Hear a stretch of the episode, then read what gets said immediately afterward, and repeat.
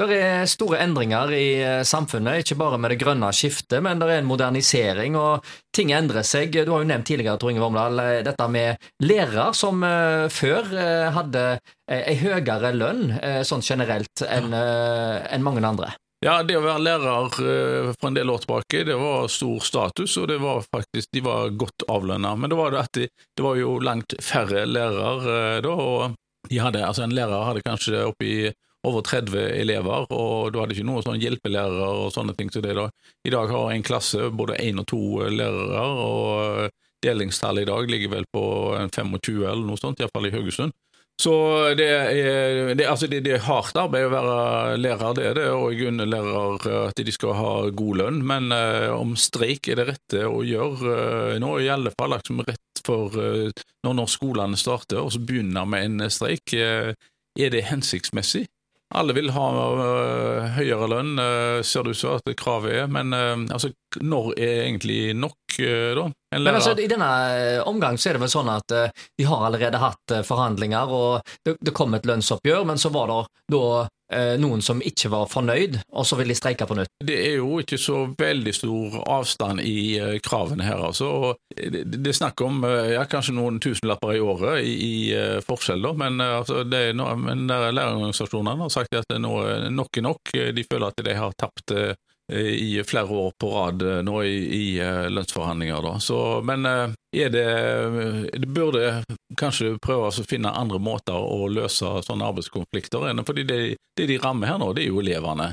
Nå hører vi altså På Haugaland videregående så er det jo elevene som nå starter skoleåret med at de ikke får undervisning i det hele tatt. Og Alle vet jo det at å få en god start det er viktig, og denne eh, streiken kan jo risikere at det kan vare lenge. Hva med de elevene nå som ikke får undervisning, og som virkelig har behov for det? Nå, fra denne pandemien vi har eh, vært gjennom, så er jo en av de viktigste lærdommene det er jo altså at uh, en del sårbare elever er de som da får merke dette, og du kan få ja, Du kan få konsekvenser i form av eh, psykiske lidelser uh, på dette. her. Men, ja, men altså, Er det noen andre da som må steppe inn for de lærerne som uh, streiker, eller er det streikebryteri? Nei, det, det er streikebryteri, så det får de ikke lov til. Så rektor kan ikke gå inn eller også gripe inn i dette. her da, så nei, Jeg synes det, det er jo alvorlige ting, men jeg må begynne kanskje å se på dette streikevåpenet. da. Altså, i Nordsjøen så har du jo da, altså, Der gripes en jo inn med lønnsnemnd hver gang oljearbeiderne truer med streik. Eh, og det tror jeg kommer til å bli tilfellet oppe på Nå eh, var det jo snakk om to aluminiumsfabrikker eh, som da truer med streik. Eh, da er vi på Sunndal, mm. Eh, og der er det jo da at en vil kunne stenge ovnene gradvis ned. Og hvor de sier altså at det kan ta opptil ett år å åpne disse ovnene igjen. Og det en risikerer da, det er jo at de sier at nei, vi åpner ikke disse ovnene, vi tar oss denne strømmen den kan vi jo selge til mye bedre pris enn det vi får for oss å mm. lage aluminiumsprodukter, så den selger vi heller på markedet, fordi de har langsiktige kontrakter på mm. Eh, strøm. Disse, og så hvis vi kjøper de inn til 30 øre, så kan de selge det igjen for 5-6 eh, kroner per kilowatt? Ja, uansett så har de en stor margin der, men det, disse arbeiderne setter jo da sine egne arbeidsplasser i stor fare i denne sammenhengen. Men det er altså det at noen arbeidstakere skal kunne ha sånn makt over Eh, arbeidsplassen sin, at de kan rett og slett eh, ødelegge den.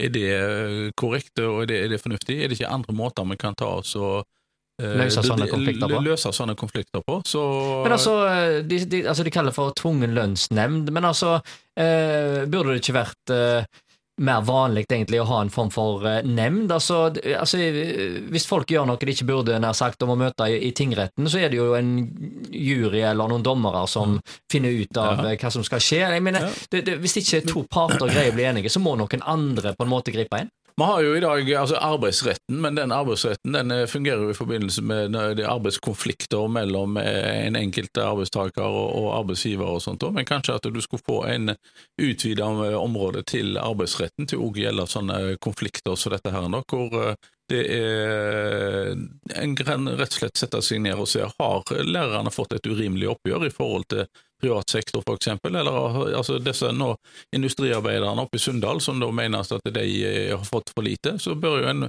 få en nøytral eh, rettsinstans som ser på at ja, har dere fått for lite i forhold til det som er er da vanlig. Og vi kunne også sett på denne eh, Det var jo en flystreik eh, hvor eh, noen eh, forlangte Mm. enorme summer i forhold til andre. Samfunnsmessig så tror jeg det ville vært veldig positivt. for det at da hadde du aldri lagt ned arbeidet, du hadde bare synliggjort konflikten, så var det noen andre som tok avgjørelsen. Ja. Og hvis du fortsatt ikke var fornøyd med arbeids- og lønnsvilkårene, så kunne du jo alltid finne deg en annen jobb.